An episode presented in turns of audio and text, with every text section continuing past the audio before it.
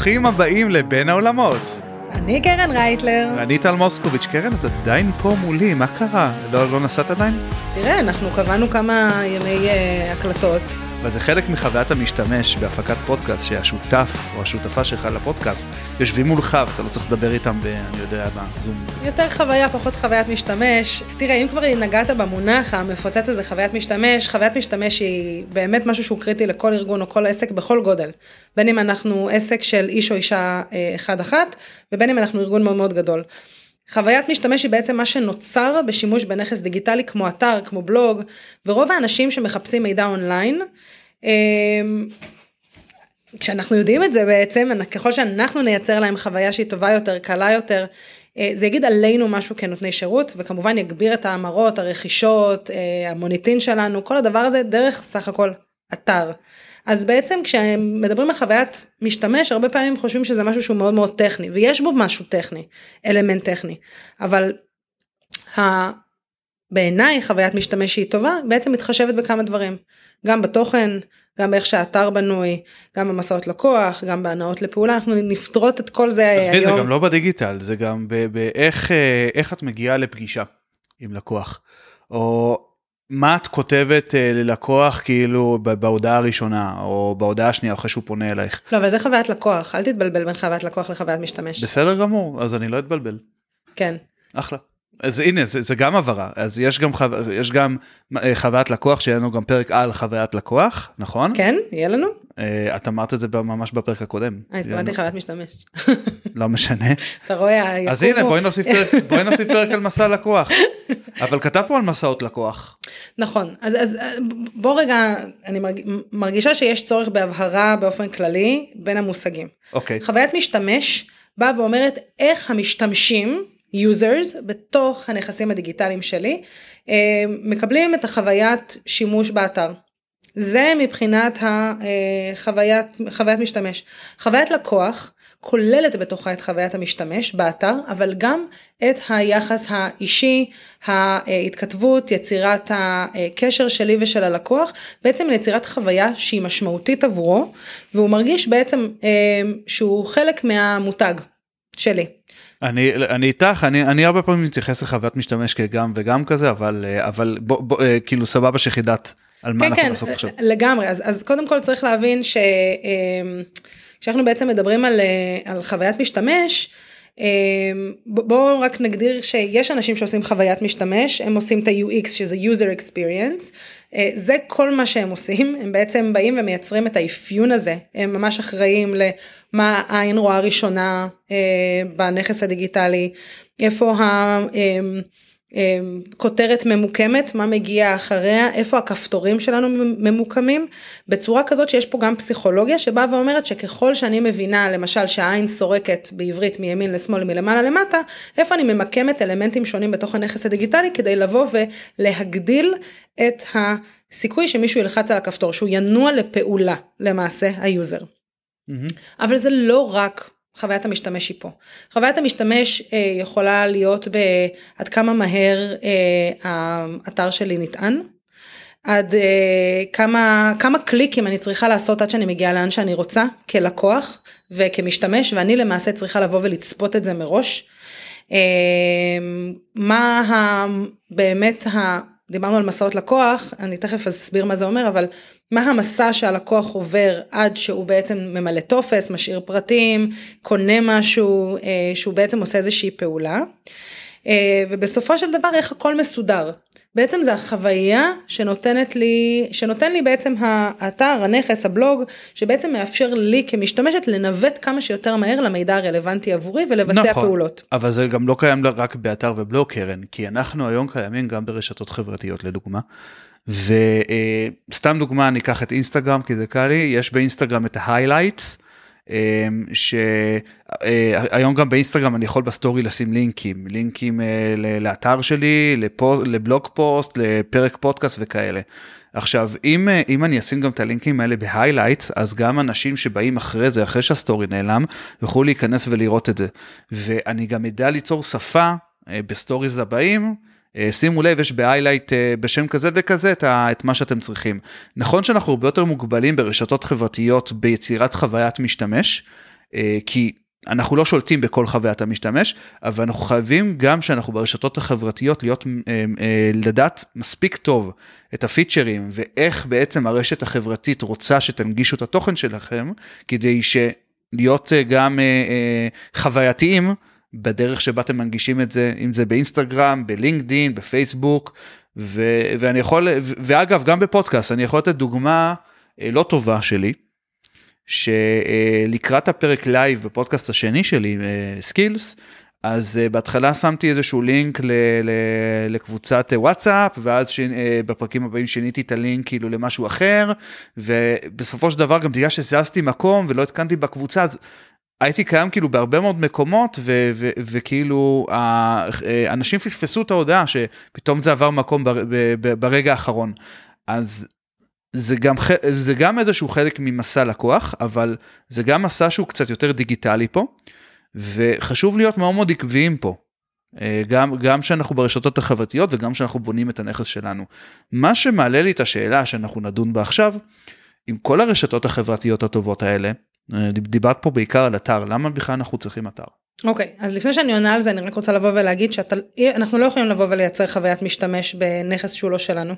אנחנו כן יכולים לבוא ולהשתמש בפלטפורמה עצמה כדי לייצר מסעות לקוח אחרים ולהבין איך אנחנו בעצם מייצרים flow, איזושהי זרימה, שבסופו של דבר מניעה לפעולה ללחוץ על הלינק, אבל זאת לא חוויית משתמש, כן יש כאן אלמנטים, בגלל שיש נגיד קרוסלות, ויש בעצם את הרילס, ויש לי בעצם כל מיני כלים שהמטרה שלהם היא לבוא ולחמם את הלקוח שלי, אני בעצם משתמשת בכלים האלה בצורה אחרת, ויכול להיות שיש אלמנטים כאלה ואחרים של חוויית משתמש שנכנסים בפנים, מתוך מחשבה שאני רוצה לייצר מחשבה שהיא טובה, אבל זאת לא חוויית משתמש. נכון, אה, כאילו, זה, עוד פעם, אנחנו לא יכולים להנדס את חוויית המשתמש מאלף ועטף, אבל אם אנחנו נדע מספיק טוב איך להנגיש את עצמנו בפלטפורמה, נדע לעשות את החיבורים המתאימים. ולייצר מסעות לקוח שהם טובים, שרק נסביר רגע מה זה מסע לקוח. מסע לקוח זה שאני יודעת בערך, מה זה בערך? אני יודעת על מה לקוח לוחץ, או מה הוא רואה. אה, ואז מהם התהליכים הבאים זאת אומרת אם הוא לוחץ עכשיו על קבוצת אה, הוואטסאפ שלך והוא נכנס לוואטסאפ יכול להיות שזה נגמר כאן. מסע לקוח קצת יותר מורכב יכול להיות שאתה גם פונה אליו בפרטי ואומר לו ברוך הבא ושואל אותו למה הוא הצטרף ונותן לו למלא איזשהו טופס ומכניס אותו בסופו של דבר לרשימה של אה, של ניוזלטר זאת אומרת יכול להיות שיש כאן איזושהי חוויה שהיא קצת יותר ארוכה שבסופו של דבר אתה מאפשר ללקוח לקבל עוד ערך ממקומות אחרים. יכול להיות שהוא לוחץ על הוואטסאפ ואתה בעצם במקביל גם שולח לו ברוך הבא ומנסה למכור לו משהו. לא יודעת מה זה אבל בסופו של דבר יש הרבה מאוד מסעות לקוח שאנחנו צריכים להגדיר אותם כדי שאנחנו נדע מה התוצאה הסופית שאנחנו רוצים וגם שננסה להבין איך אנחנו יכולים למעשה אמ, למדוד, למדוד האם המסעות שלנו טובים. אז זה לגבי אה, המסעות לקוח ומה שאנחנו עושים שם. למה אנחנו צריכים אתר? טוב ששאלת. שאלת, אותי, פוקר. שאלת אותי נכון? באופן כללי. כן. עשיתי שיעלול. שיעלול. מי שזכר בפרק הקודם, אה? זה יופי. שיעלול. אמ, אז תראו, אני סאקרית של אתרים כאילו כשאני יצאתי אה, לעצמאות הדבר הראשון שעשיתי עוד לפני שהיו לי לקוחות או קונספט בניתי אתר ואני זוכרת שכשהתייעצתי עם אנשים אחרים הם אמרו לי תקשיבי זה אתר לא כל אחד צריך אתר את אה, יכולה אה, לקנות אה, דברים אחרים אה, לנסות למכור דברים אחרים אה, אה, לדבר ללקוחות שלך אתר זה דבר אחרון אל תשקיעי בזה אנרגיה. אבל מה שקרה זה שאני השקעתי לא רק באתר אלא גם בבלוג. ועד היום, אנחנו מדברים כבר כמעט חמש שנים אחורה, הבלוג פוסט, המאמרים שכתבתי, אז עדיין מכניסים לי בממוצע 400-500 אנשים בחודש. וואו. כן, רק משני מאמרים אגב, שהם, שכאילו שזה בכלל קשור לנטישת עובדים וקשור לאיך לתת פידבק לעובדים. כי כמו שאמרנו באחד הפרקים, היית אני... מנהלת פעם. לא, הייתי מנהלת פעם וגם יצאתי לעצמאות כן. כי רציתי ללוות מנהלים. עכשיו האם זה רלוונטי לי לאתר? כרגע אה, לא בטוח, אני אגב בדילמה אם להוריד את זה או לא, אבל אם אני מייצרת כבר מההתחלה תוכן שהוא רלוונטי, הוא יכול להיות רלוונטי גם בעוד 5, 10, 20 שנה, בסדר? כי גוגל למעשה עושה לו אינדקס, וככל שהוא יהיה יותר רלוונטי, אנשים יישארו יותר זמן בנכס הדיגיטלי, אה, אנשים ישלחו את הלינק, יהיה איזושהי engagement סביבו, אה, גוגל יבין שבעצם יש פה יש פה ערך. נכון. ו... אני, ו- אני... ורק כדי לענות על השאלה, סליחה טלטלון, אמ, אנחנו צריכים לבוא ולייצר את האתר שלנו, הוא, הוא גם למעשה מה שיוביל לקוחות שנים קדימה לעסק שלנו. עכשיו, למה הרשתות החברתיות נוהגות ככה? כי גם הן מבינות איזה נכס זה אתר לעסק. הן מבינות שהן לא יכולות להציע לעסקים את אותו אה, ירוק עד, כמו שאתר מציע. הן לא יכולות לחבר בין רשתות חבר, חברתיות שונות באותו אופן שבו אתר, אם מתכננים אותו נכון, יכול לחבר בין כל הערוצים שלנו בכל הרשתות החברתיות. אז uh, אני חושב ש, שכן חשוב uh, שלבעלי עסקים יהיה גם אתר, זה בסופו של דבר הבית שלנו, אנחנו שולטים בו, אנחנו מרכזים פה את כל התוכן שלנו, זה מאוד מאוד חשוב וזה גם משהו ליניארי כאילו שאני יכול לבוא ולהיכנס לכל הבלוג פוסטים שלך ולקרוא אותם. אה, עכשיו לכי בפייסבוק באינסטגרם לחפש פוסט שכתבת לפני חודש אף אחד לא זוכר אותו אף אחד גם לא ימצא אותו. לגמרי. ממש אתה ממש ממש צודק. אה, גם אתה יודע אנחנו יכולים פחות לשלוט במשפחים שיווקיים. מ...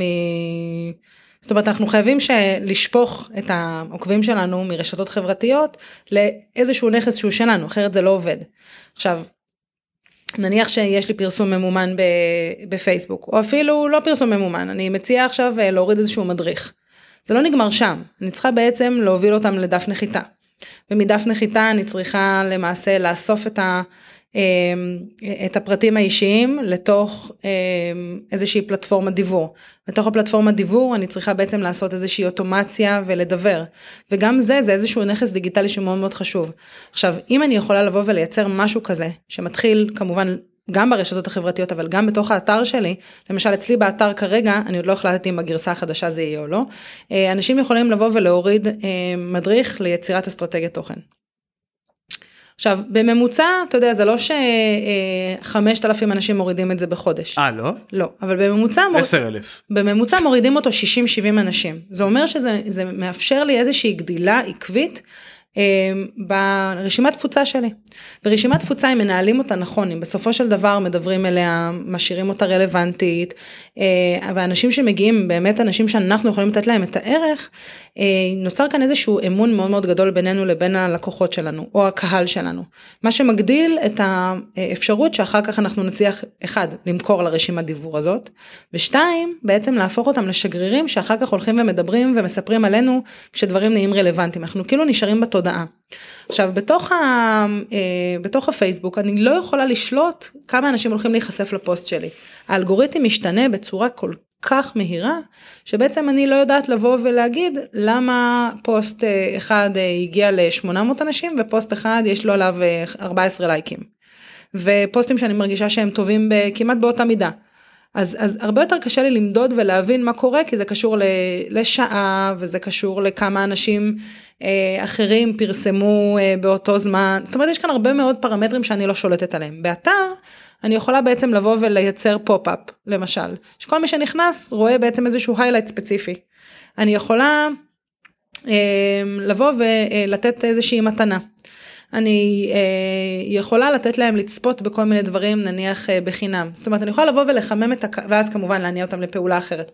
זאת אומרת יש לי הרבה יותר שליטה כי אני גם שולטת ב flow, זאת אומרת מה קורה מבחינת מה רואים קודם, מה רואים אחר כך, מה אני מציעה, איפה הכפתור נמצא. אה, וגם אני יכולה בעצם לבנות את אותם משפחים שיווקיים בצורה שהיא ממש רלוונטית, שבעצם ממקסמת את המקום העסקי שלי. אה, אני, אני מסכים איתך לגמרי בואי רק נחדד מה ההבדל או מה מה בין אתר לבלוג כי קודם גם דיברת על בלוג. אני חושב אני רואה אתר כממש הממלכה שלנו זאת אומרת כל התוכן שלנו נכנס שם.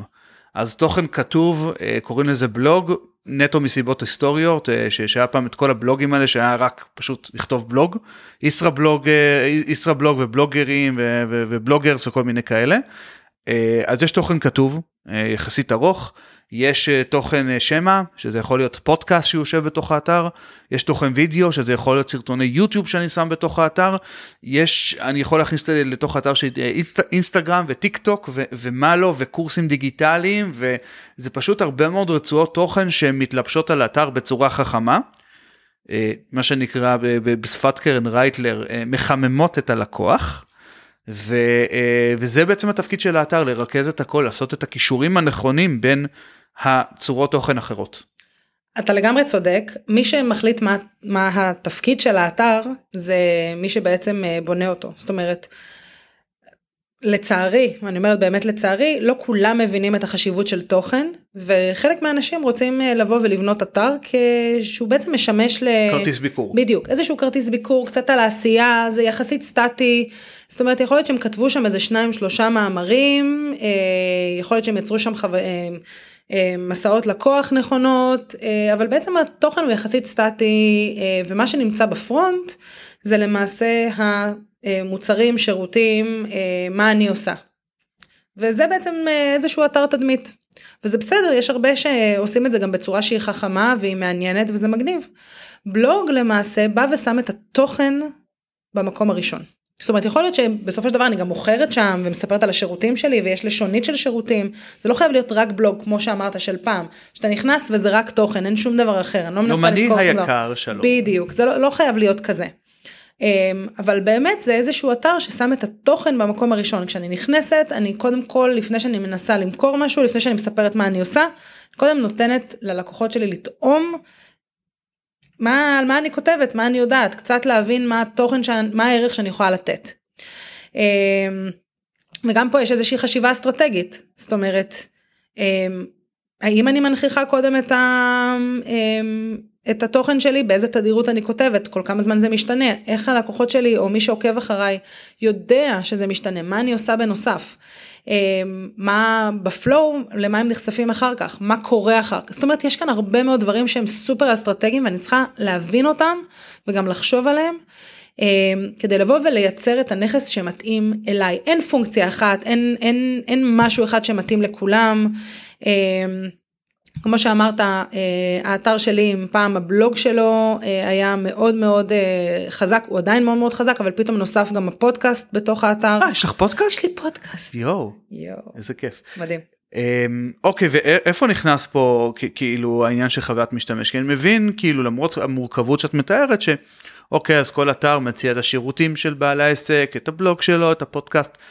אז סבבה, איזשהו דף בית שמרכז את הכל, ולשונית של בלוג, לשונית של פודקאסט, סגרתי סיפור, לא? יופי, אז בוא נדבר על הסיפור. Mm-hmm. מדהים. סטורי טלינג. אה, מוכר לי משהו. נכון. storytelling זה בעצם היכולת שלנו לקחת את המסר העיקרי, או את המסרים, עד שלושה מסרים עיקריים, ולשזור אותם בצורה חכמה. בנכס הדיגיטלי שלנו זאת אומרת storytelling זה יותר מורכב מזה אבל בהקשר של בהקשר של מש... נכס בדיוק. עכשיו, נניח שאחד הערכים שלי הוא פשטות, בסדר? אה, פשטות, אה, בגובה העיניים, אה, זה גם המותג שאני רוצה לבנות. ואז אני בונה איזשהו אתר שהוא מאוד מאוד מורכב, הוא מאוד מסובך. אה, כדי להגיע לכל מיני דברים אני צריכה ללחוץ על מלא דברים, יש טפסים שהם מיושנים, קשה לי להשאיר פרטים. זה פוגע לי בעצם בערכים של העסק. אם אני באה ולא אמ, יודעת מה, חשוב לי מאוד חדשנות, אבל אז אני באה ומייצרת אה, גם אתר שבחוויית משתמש שלו דברים מבולגנים. אה, לא מסודרים. זה גם חדשני. זה יכול להיות גם חדשני, אבל זה בעצם יש כאן איזשהו פער. למעשה נכס הדיגיטלי מאפשר לנו להעביר את הערכים שלנו, את המסרים שלנו, אה, בשלושה דברים עיקריים, שזה למעשה עיצוב, תוכן, והחוויה עצמה, זאת אומרת כמה קל יהיה לי להשתמש בתוך הנכס הדיגיטלי. עכשיו, אני כבעלת עסקים רוצה שיהיה כמה שיותר קל ליצור איתי קשר. אז מי שנמצא באתר שלי אה, יודע שיש שם טופס שאפשר למלא, ובצד יש גם איזשהו וואטסאפ שצף, זאת אומרת אפשר להגיע ישירות לוואטסאפ. כן, ראיתי את זה חמוד ממש. מה אני גיליתי? אני גיליתי ש-100% מהאנשים פשוט משתמשים בוואטסאפ, הם בכלל לא משתמשים בטופס, הם לא משתמשים בו. אז מה עשיתי? באתר החדש שלי ביטלתי את הטופס. אשכרה. אשכרה. לא, וזה זה משהו שהוא מאוד מאוד כאילו, אתה יודע, אין טופס. זה, זה משהו שהוא מאוד מאוד כזה אה, קיים בתור אתר, בכל אתר הטופס הזה. תמות, אין טופס. וואלה מת. אין טופס. וואלה אני מת. יש למטה באתר החדש יש פלאח קטן שאומר משהו כמו אה, בואו נעשה משהו ביחד יש תמונה שלי אה, ויש שלושה ויש שלושה כפתורים יש וואטסאפ יש מסנג'ר ויש נראה לי אני רוצה להגיד מייל, אני לא זוכרת. זה- אגב, אבל בוא, בוא רגע נדגיש שהדבר הזה לא נכון לכל האתרים. כאילו, זה ברור. נכון, לא, חשוב יש גם, פה, יש פה ניסוי וטעייה. נכון, וגם חשוב להדגיש את זה, שיכול להיות שזה נכון לקהל שהולך אה, אה, אלייך קרן, בגלל למשל, ברור, שהוא ברור. רואה שאת, אה, שאולי אחד מהערכים שאת משדרת, אבל, אבל זאת בדיוק הדוגמה לאיך אני משפרת חוויית לקוח. בסדר? אם עכשיו אני יודעת שהלקוחות שלי, או היוזרים הם שנמצאים אוהבים באתר שלי, ישירות נגיד, אוהבים ישירות, או לא בא להם, הם לא, תקשיב, גם חברות מאוד מאוד גדולות פונות אליי דרך הוואטסאפ. אז אם אני יודעת שזה מה שקורה, אני רוצה להקל עליהם, אני רוצה שתהיה להם לחיצת כפתור אחת בלי הטופס הזה, כי גם ככה לא משתמשים בו. אז באתי וחידדתי והידקתי את זה קצת יותר. או אמ, לקחתי, בוא נדבר רגע על, על תוכן, שהוא גם חלק מחוויית המשתמש שלנו. Um, היו לי, um, כשהתחלתי לייצר את האתר החדש, את הגרסה החדשה שלו, היו לי שני לקוחות מאוד מאוד גדולים. אחד זה חברת לייזר מאוד מאוד uh, גדולה בינלאומית עם 90 סניפים בעולם. Uh, ואחד זאת קרן השקעות מאוד מאוד גדולה שחזקה גם בכל העולם. Uh, שתי החברות אבל הן uh, במקור ישראליות. ושני הלקוחות האלה אמרו לי משהו שהוא אה, היה מדהים בעיניי. שניהם דיברו עליי כאילו אני השותפה, שותפה שיווקית שלהם. והם השתמשו במילה, אה, כאילו שממש מרגישים אה, שותפים. זה למה עשית את השינוי עכשיו. בדיוק. עכשיו התחלתי לעבוד עם עוד, אה, קודם, בפרק הקודם דיברת על סטארט-אפ שנמצא בתוך חברה גדולה, אז התחלתי לעבוד עם סטארט-אפ שנמצא בתוך חברה גדולה. אה, וכששאלתי אותם למה הם מצפים, הם אמרו אנחנו מצפים שתהיה שותפה שלנו. מדהים, לקחתי את הטרמינולוגיה הזאת ויצקתי אותה לתוך האתר שלי. מדהים. וכתבתי אפשר להפסיק לחפש, תנו לי להיות השותפה השיווקית שלכם, ככה האתר החדש מתחיל. מה מדהים? לפני שלושה שבועות בקרואטיה, אני ברכבת, אני מקבלת הודעה אה, מאיזשהו שותף במשרד עורכי דין, שכתב לי, כתב לי בוואטסאפ, אני אראה לך אחר כך, אה, היי, אה, הפסקתי, אני רוצה להפסיק לחפש, נראה לי שמצאתי את השותפה השיווקית שלי. איזה חמוד. ממש. ואגב, הוא הפגישה שיש לי אחרי הפודקאסט. אה, אוקיי. אמ, ו- וזה היה מדהים, הוא השתמש בטרמינולוגיה שלי. וכשדיברנו, אז אמרתי לו, תקשיב, אתה כתבת את הדבר הזה ואני מאוד חשוב לי לשאול אותך, למה, אמ, למה חזרת על זה? אז הוא אמר לי, תקשיבי, אני מכיר אותך עוד מימי ג'ולט. אוי, אני- אני מכיר אותך משם. נכון. וכשעשיתי ג'ולטים אז פתחתי תיקייה שנקראת פיתוח עסקי. ועכשיו עברתי על כל אמ, האתרים של כל האנשים שאספתי. וכשראיתי את מה שאת כתבת הרגשתי שאני באמת יכול להפסיק לחפש. הרגשתי שאני רוצה שת... אני... זה מה שאני מחפש. פתאום נתת לי מילים ואמרת שותפה שיווקית והבנתי שזה מה שאני צריך. עכשיו איך זה מתקשר לחוויית משתמש? כי בעצם, אתה יודע, זה כמובן לא חוויית משתמש per se, זה storytelling, זה חוויית משתמש, זה תוכן, יש פה הרבה מאוד דברים. אבל היכולת לקחת משהו שהלקוחות שלנו רוצים, חושבים, ולזקק אותם לאיזשהו משפט שתופס את העין, לשים אותו ולמקם אותו במקום הנכון, בגודל הנכון, ואחר כך לשים שם כפתור להנעה לפעולה, זאת חוויית משתמש. אז בעצם מי שנכנס לאתר מבין נורא נורא מהר מה אני עושה. אם זה מדבר אליו או אליה אז זה מאוד מאוד ברור שזה מה שהם מחפשים והם יכולים להפסיק לחפש. אה, ואחר כך ההנאה לפעולה היא מאוד מאוד פשוטה כי כבר אחר כך יש לך שלושה דברים שאתה יכול אה, אה, שלושה מוצרים שאתה יכול לבחור מביניהם וכל אחד מהם בעצם מוביל לוואטסאפ הוא כבר לא מוביל לטופס. בעבר כמו שאמרתי זה הוביל לטופס. אוקיי, אז אמ, שאלה שלי אלייך. כן. אמ, בכל העניין הזה שאנחנו בונים חוויית משתמש, אסור לנו לשכוח גם את חוויית המשתמש שלנו, כבעלי עסקים. תסביר. אני מסביר. בסופו של דבר אה, לכל אה, מערכת יחסים יש שני צדדים, יש את הצד של נותן השירות ויש את הצד של הלקוח.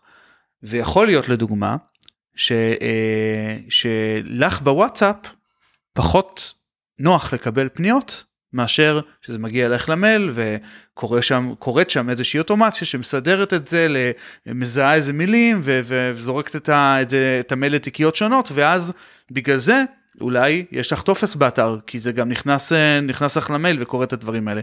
ואחרי הכל למרות הוואטסאפ business ואת האפשרות לתייג וכל הדברים האלה וואטסאפ זה כלי שהוא פחות נוח.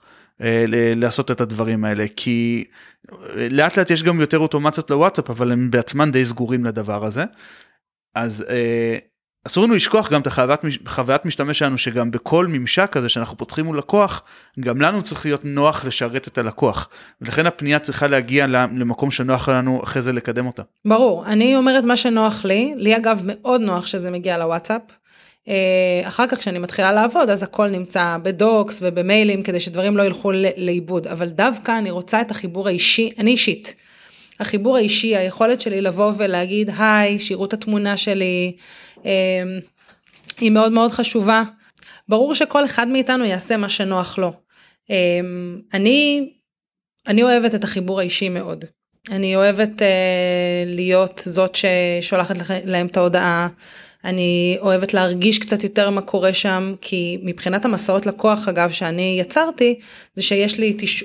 שיעלול אה, מאוד מאוד קצר, שאחריו אה, אני מצליחה להבין האם זה רלוונטי לי או לא, ואז אני מייצרת פגישת זום קצרה ללא עלות, אה, שזה בתכלס גם הזדמנות לעשות מכירה, אבל גם מבחינתי אני לא לוקחת כל, כל פרויקט, זה, זה מאפשר לי להכיר קצת יותר מי נמצא מאחורי ה- ההודעה הזאת ולהבין אם בא לי בכלל להיכנס, אה, אם בא לי בכלל להיכנס איתם לאיזושהי אה, מערכת יחסים של עבודה.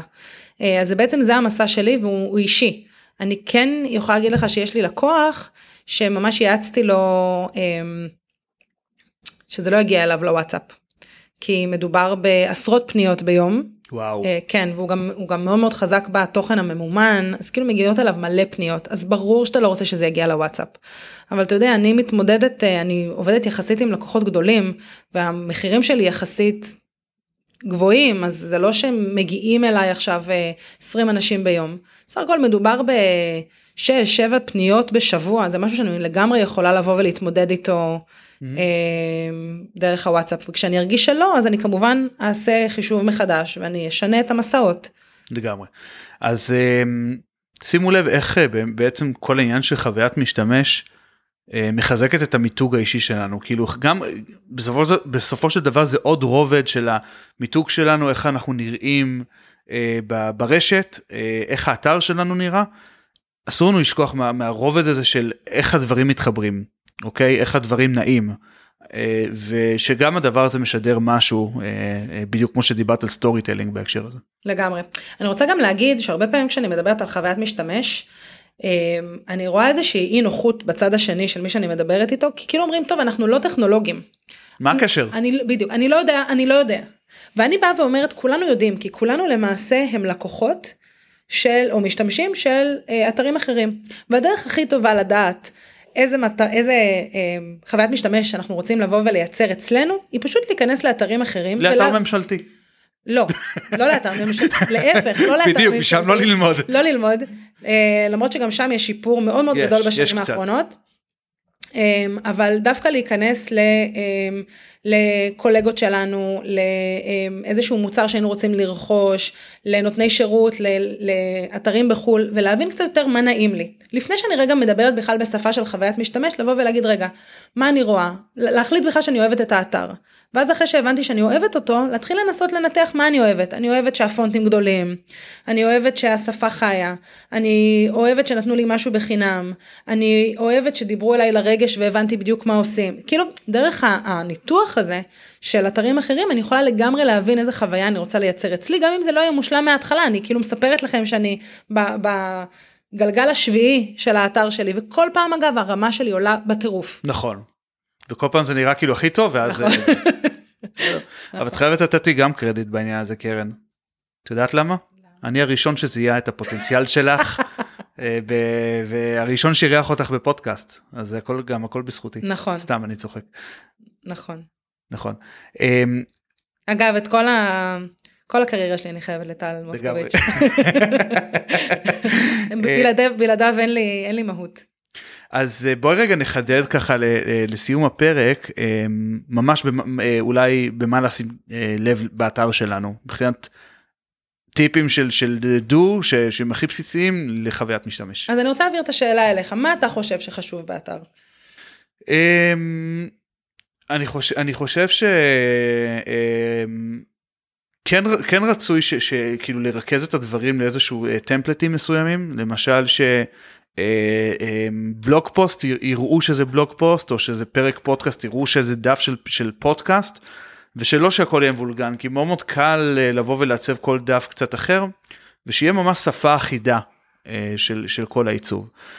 עוד דברים שאני ככה לומד לאט לאט, אני למשל לא חשבתי שנגיד אופציה של חיפוש באתר זה משהו שהוא חשוב. למה? כי אני, אני בעצמי, כשאני נכנס לאתר, אני תמיד כזה מנווט לבלוג וקורא קצת בבלוג, ואף פעם לא חשבתי שיש איזה, שיש איזה משהו חשוב בעניין הזה של חיפוש בתוך האתר.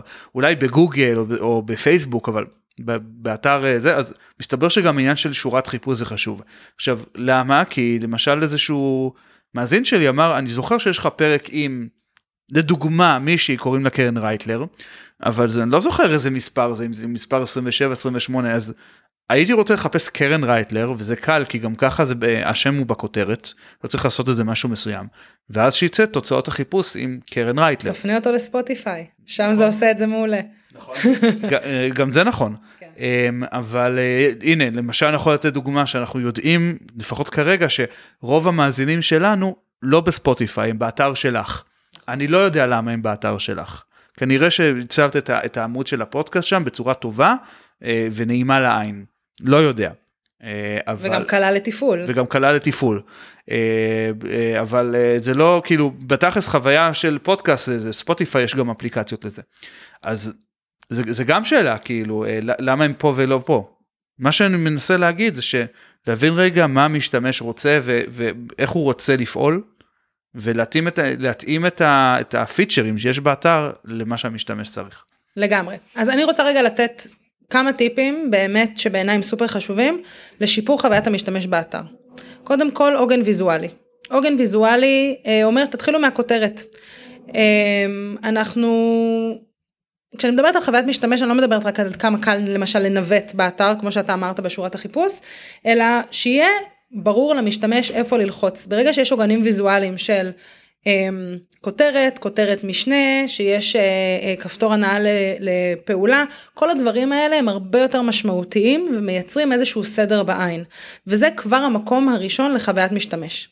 הדבר הנוסף זה להגיד להתראות לתמונות סטוק. בסדר? אמ, אחד הלקוחות שלי, אני נכנסת לאתר שלו, אני רואה לוח שחמט. למה? סבבה, אתה מתעסק באסטרטגיה, אבל אנחנו יודעים שמה שמייצר אמון הוא דווקא פנים. אז צריך לבוא ולנסות אולי לשלב תמונות או שלנו או של לקוחות שלנו או שלנו ב-in action כמו שנקרא מעבירים הרצאה עושים משהו אמ, או בכלל תמונות שאנחנו אה, צילמנו וזה לא נראה נורא מהוקצע כמו אה, תמונת אה, סטוק. תמונת סטוק הוא משהו שהוא נורא נורא מנותק והרבה פעמים גורם ללקוחות שלנו להרגיש קצת תחושת זלזול. אמ, הדבר הנוסף הוא היררכיה של תוכן. זאת אומרת ברגע שאני מסדרת את התוכן שלי עם כותרות ורווחים זה מאפשר לי גם כשאני מרפרפת לזהות מה חשוב ומה לא. שימו לב שכמה שנראה לכם שכולם יושבים וקוראים את כל התוכן שלכם באתר ושאתם סופר מעניינים לאף אחד לא אכפת מכם.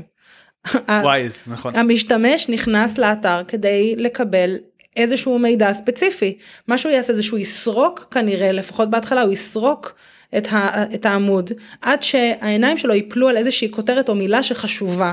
ולכן חשוב לנו לה, להדגיש כבר את המילים האלה את המילות מפתח את הבאזוורדס האלה שאנחנו יודעים שאנשים מחפשים.